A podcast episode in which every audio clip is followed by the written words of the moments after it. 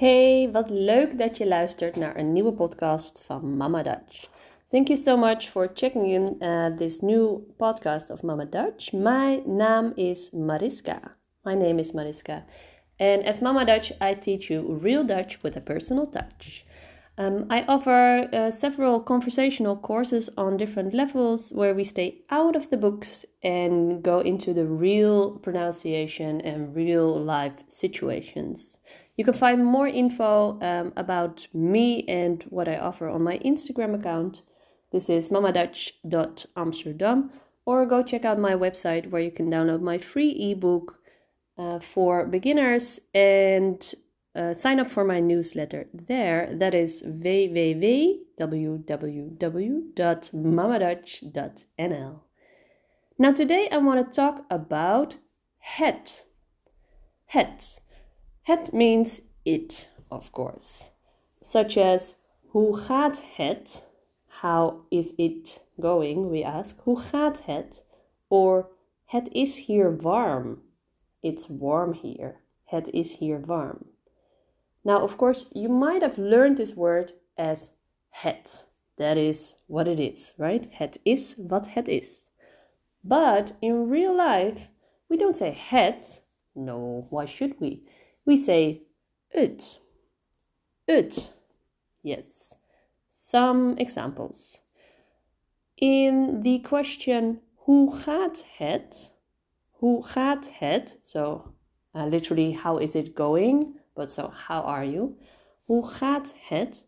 We glue the het to the previous word, in this case gaat, and we yeah, so we make it an ut.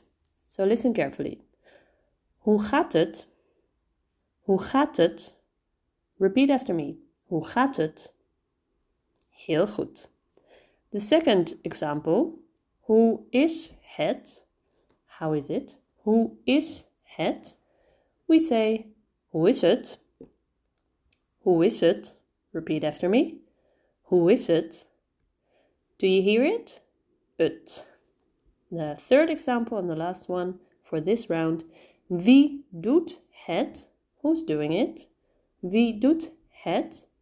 Real life pronunciation is Wie doet het? Wie doet het? Repeat after me. Wie doet het? Very good. Now, of course, you can also start a sentence with het. For example, in your answer uh, to the question hoe gaat het? You can say het gaat goed. It is going well. Het gaat goed.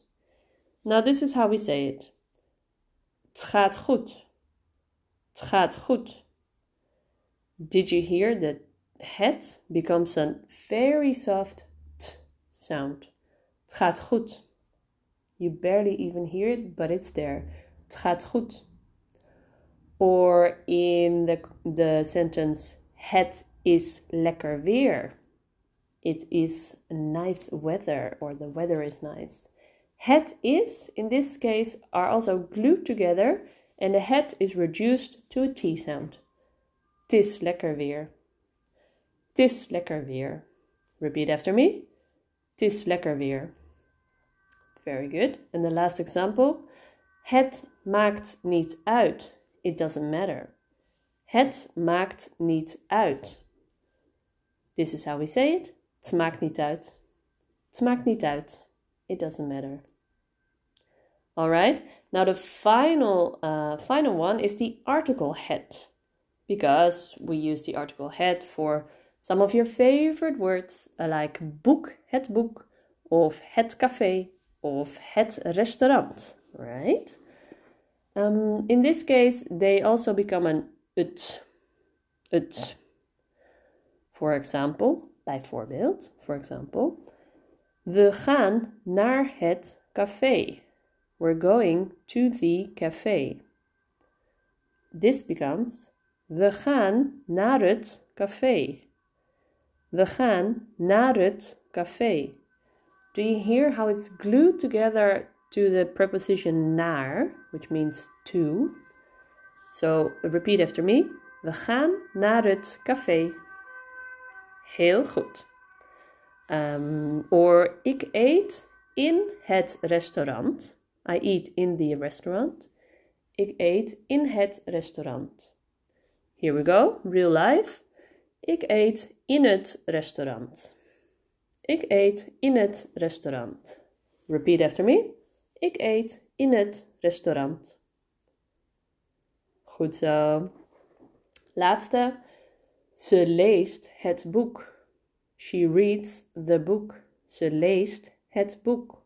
Real life Dutch. Ze leest het boek. Ze leest het boek. Connected to leest, read.